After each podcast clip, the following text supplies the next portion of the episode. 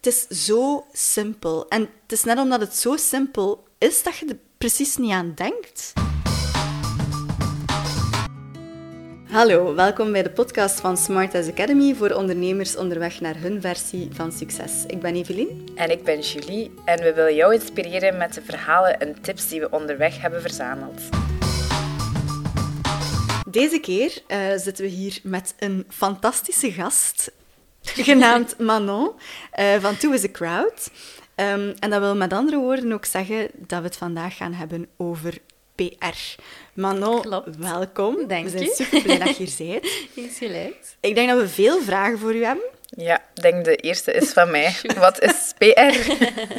Nee, nee, misschien moeten we beginnen met wie, is Wie ben jij? Manon?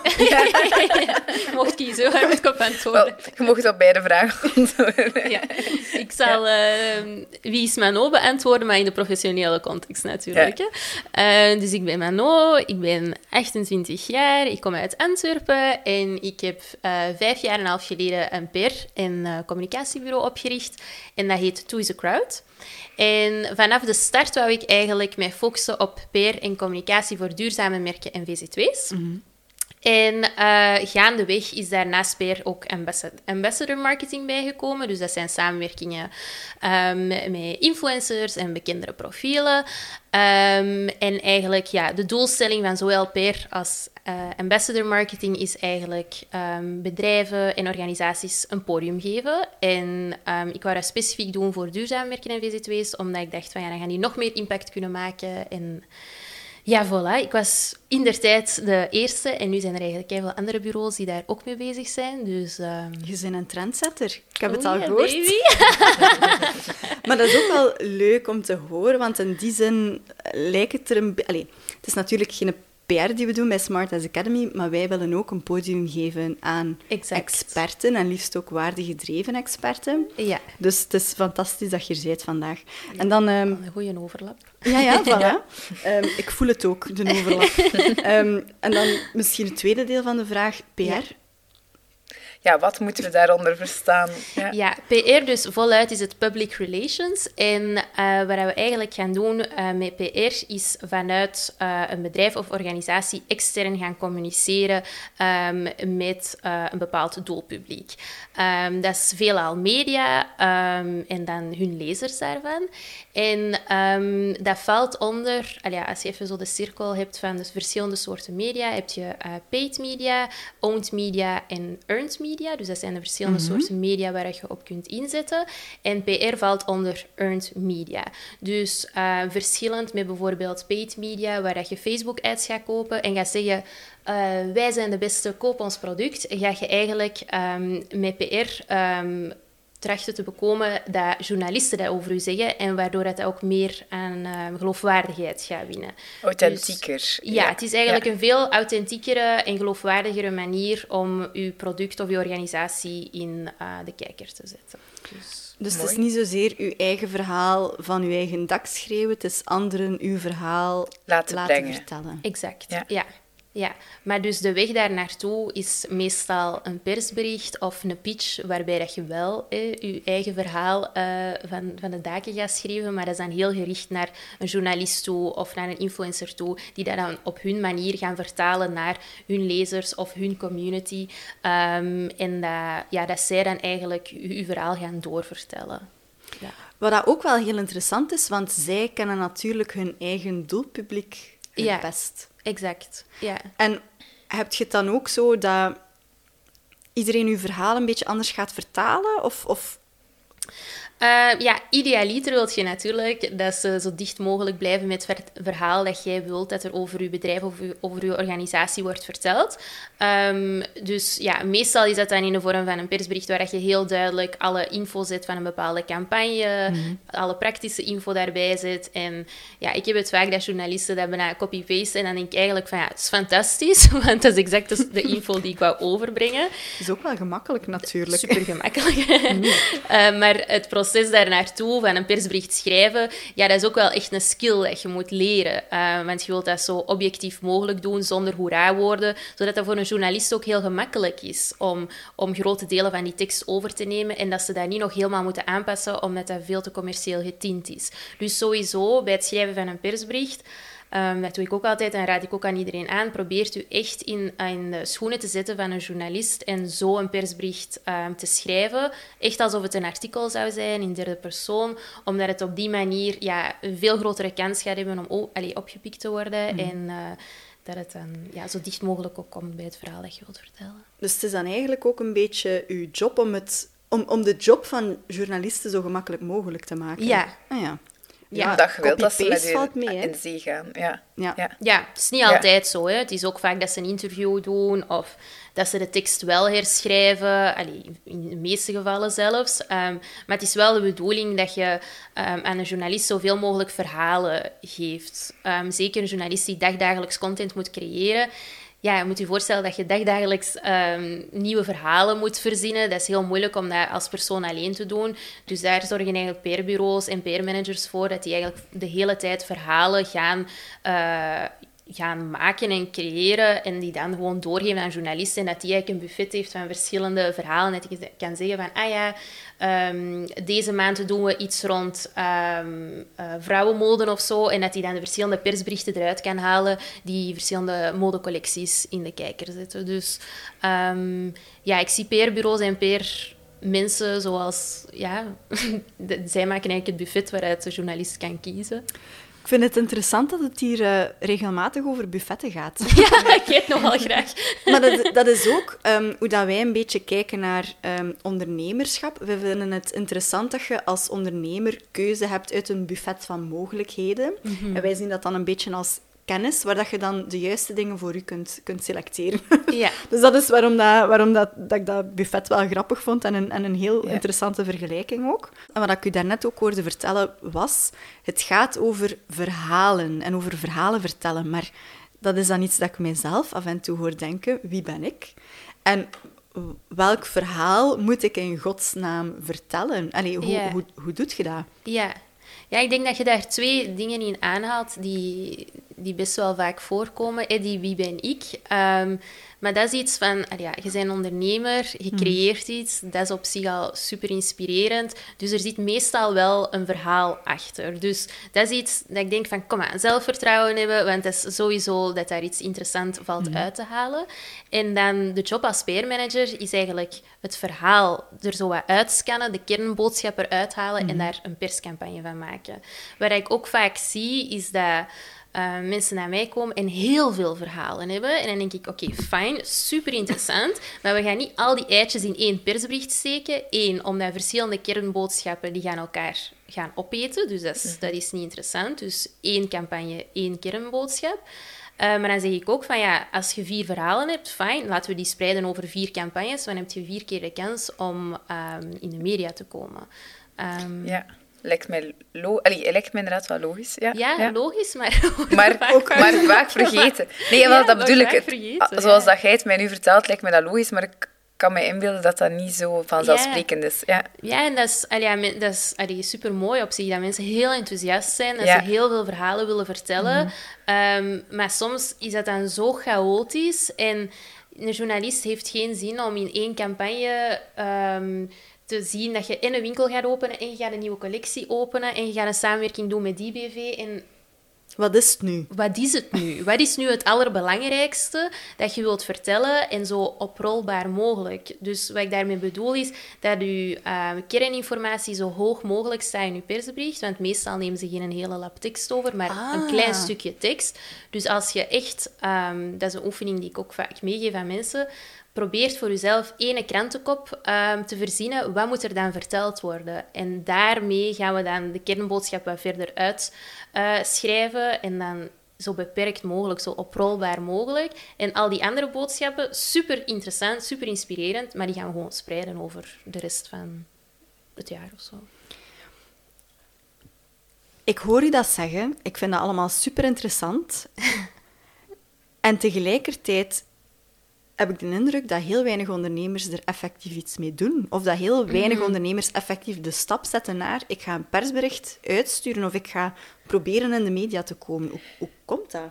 Ik zelf bijvoorbeeld zou daar, heb daar nog nooit aan, aan gedacht. En ik, dat lijkt zo een ver van mijn bedshow. Ik denk dan direct dat dat zoiets is voor grote ondernemingen, maar eigenlijk klopt dat waarschijnlijk niet. Nee. Die- nee. Nee. Nee. Nee, nee, maar dat, dat, dat klopt inderdaad ook niet. Want ehm, vaak zijn journalisten ook op zoek naar experts binnen een bepaald vakgebied. Dus hé, eh, bij jullie, jullie zijn expert in een bepaald vakgebied. Dus dan is dat net interessant om, om met jullie in gesprek te gaan en jullie mening te vragen. Ehm, ik zou net, als er mensen zijn aan het luisteren die ehm, zichzelf daar ook onder categoriseren, ehm, zou ik net zeggen van nee, het is super interessant wat jullie te vertellen hebben. Ehm, Oké. Dus, de conclusie is doen. ja. Hoe begint je daaraan, Manon? Hoe begint je daaraan? Help. Ehm, ik zou eerst voor jezelf proberen uit te maken... ehm, ja, wat je doet is waarschijnlijk heel duidelijk. Ehm, wie dat je doelpubliek is. Daar ook goed over nadenken. En eh, dan proberen daar een soort van kernboodschap uit te halen waarvan dat je aanvoelt of denkt dat die nieuwswaardig is. Ehm, Bijvoorbeeld jullie met de Smartest Academy eh, zou je kunnen zeggen dat is het eerste platform in België waar dat, ehm, Belgische ondernemers worden uitgenodigd om hun expertise te delen. Wauw, Mooi. klinkt fantastisch. Heel goed. Voilà. Dus Dat is het zelf ja, niet beter kunnen zeggen. Ja, maar dat is iets, dat is nieuw. Jullie zijn het allereerste platform en dat is verfrissend omdat het allemaal eh, Belgische ondernemers is. Dus ehm, dat zou iets kunnen zijn, en dat is jullie kernactiviteit, dat is een kernboodschap die je kunt gaan doorvertalen naar een persbericht. Kijk, hè, en dan... Allee, ik klink nu kwaad. Ik ben, niet, ik ben niet kwaad. Maar ik denk dan gewoon... Maar dat is nu toch eigenlijk altijd hetzelfde. Het is zo simpel. En het is net omdat het zo simpel is, dat je er precies niet aan denkt.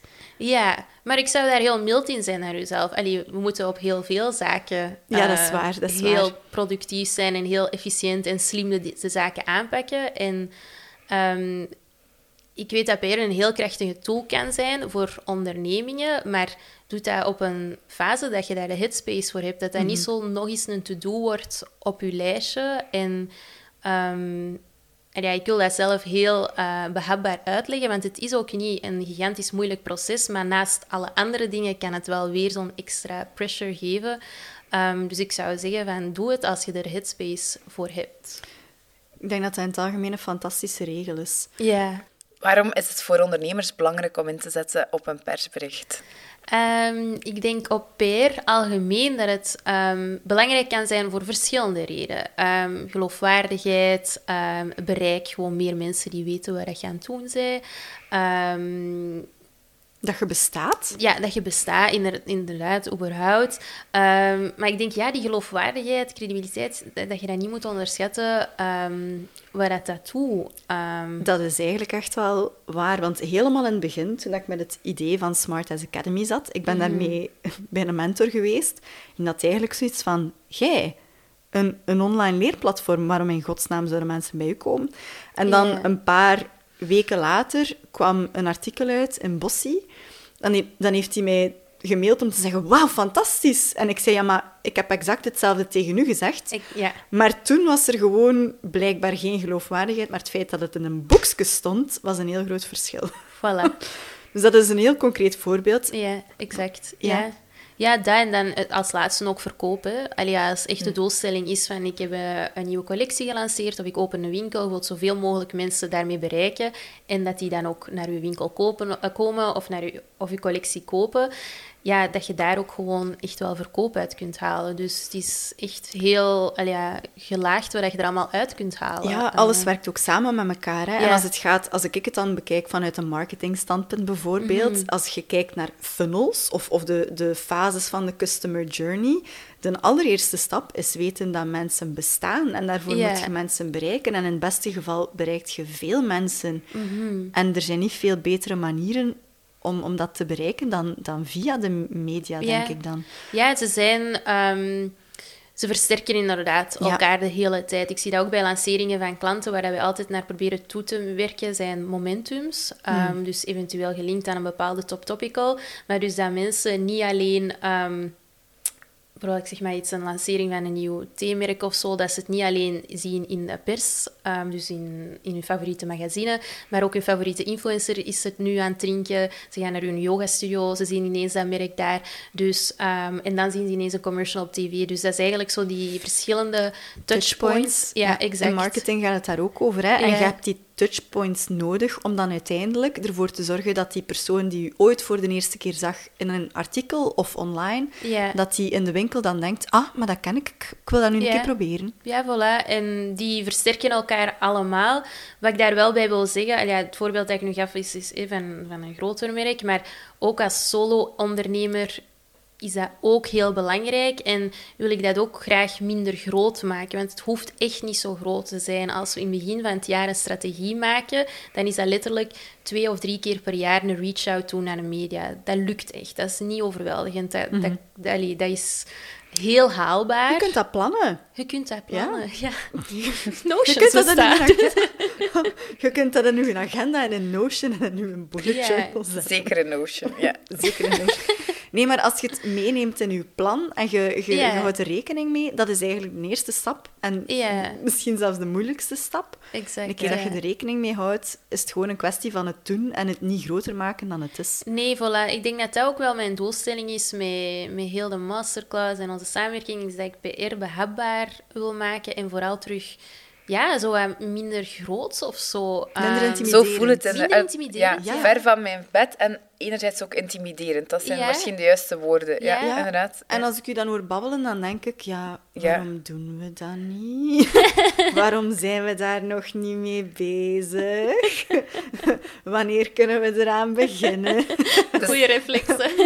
Dat geeft ons dan misschien ook al de vraag, wat, wat kunnen mensen leren in de masterclass? Ja, dus waar ik eigenlijk eh, mijn doelstelling op het einde van de masterclass is, is dat mensen een perscampagne in handen hebben en vooral ook het zelfvertrouwen hebben om ehm, te gaan pitchen. Dus ehm, de tools die we daarvoor inzetten is een persbericht, de PR-pitch schrijven en de perslijst, die natuurlijk ja, de belangrijkste toegevoegde waarde is. Ehm, en dan als resultaat ja, dat ze het zelfvertrouwen hebben, dat ze alle tools hebben, dat ze letterlijk enkel nog maar op send moeten drukken en dat ze dan in contact staan met de journalisten. Dat is mijn doelstelling.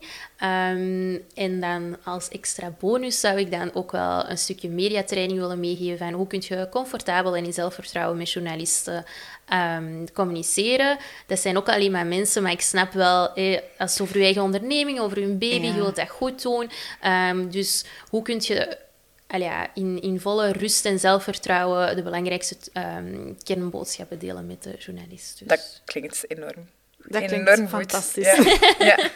Ik dat wil gaan we ook doen. meedoen. Ja, Die drie, dat wij doen brengt mee. in orde. Ik hoorde u zeggen dat je alleen nog maar op cent moet duwen en ik dacht... Ik zag de e-mail al voor mij. Ik, ik, ik zit helemaal zitten. Ja. Oké. Ja. Maar Manon, bedankt. Dat is graag gedaan. ik heb er zin in gekregen om, om eraan te beginnen. Ehm, ja, het klinkt horen. inderdaad gewoon veel ehm, toegankelijker. Ja. Ja. ja, Ja. ik heb ook een schop onder mijn kont gehad. Niet Mhm. omdat jij er mij een hebt gegeven, maar omdat ik ineens door heb van... Het is, ik moet het niet zo groot of zo moeilijk Nee. maken. Het, het hoeft allemaal niet zo moeilijk te zijn. Nee, en allee, ik denk zo, wat het daar ook aan bijdraagt, is, ja, er zijn ook gewoon heel veel grote PR-bureaus, dat kost heel veel, dus dat lijkt zoiets dat dat een kennis is die enkel zij in handen hebben, maar is niet zo. Dat is echt niet zo ingewikkeld en ik ga waarschijnlijk heel veel backslash hierdoor krijgen van PR-bureaus, maar laat het onszelf allemaal niet zo moeilijk maken. Het is echt niet zo moeilijk. Er zijn tools, templates voor om, ehm, om zelf je eigen PR-bureau te worden. We gaan het doen. Fantastisch. Dat is Voilà. goed. Deal. Merci Dat is graag om gedaan. hier te zijn. Ik vond het fantastisch interessant en ik heb er vooral heel veel goesting in Heel gekregen graag om, eh, gedaan. om zelf onze PR's te doen. Wat Top. denkt u? Dank u wel. Alright. Ehm, en dan zal ik het misschien nog even officieel afsluiten ook. Bedankt om te luisteren. Ehm, ik zou zo zeggen, haast u naar de masterclass van Manon. ik ga dat ook doen. En dan zien zal we ook meedoen. graag. Ja, Julie doet ook mee. Top. Eh, Ja. Ik denk de cameraman ook, Jasper. Die Ja, eh, van terug. wel, ik doe al Ja. twee en toe is een crowd. Oeh, mooi. En dan zien we jullie heel graag terug op smartasacademy.be of in onze volgende podcastaflevering. Tot dan. Bye bye.